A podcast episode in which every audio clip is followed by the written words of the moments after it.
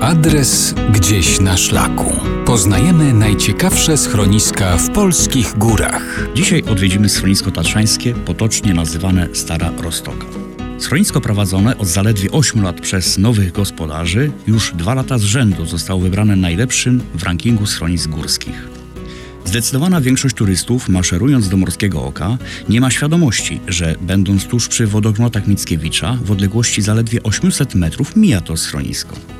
Schronisko w Dolinie Roztoki było drugim polskim schroniskiem wybudowanym w Tatrach z inicjatywy Towarzystwa Tatrzańskiego.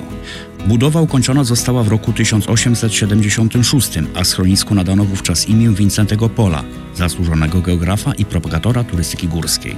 Przez Roztokę biegła droga w kierunku Morskiego Oka i Tatr Wysokich, a wzdłuż potoku przechadzał się patrol Wojsk Ochrony Pogranicza. Schronisko stanowiło dla taterników bazę wypadową na słowacką część Tatr, bowiem możliwa była w tym czasie przeprawa przez Białkę, rzekę płynącą obok Rostockiej Polany. Obecnie po mostku pozwalającym na przejście przez potok zostały niewielkie ślady. Brak mostku na Słowację i zamknięta dla ruchu pieszego droga dojazdowa do schroniska to główne przyczyny małej ilości docierających tutaj turystów zdecydowanie mniejszej w stosunku do innych schronisk tatrzańskich. Adres gdzieś na szlaku.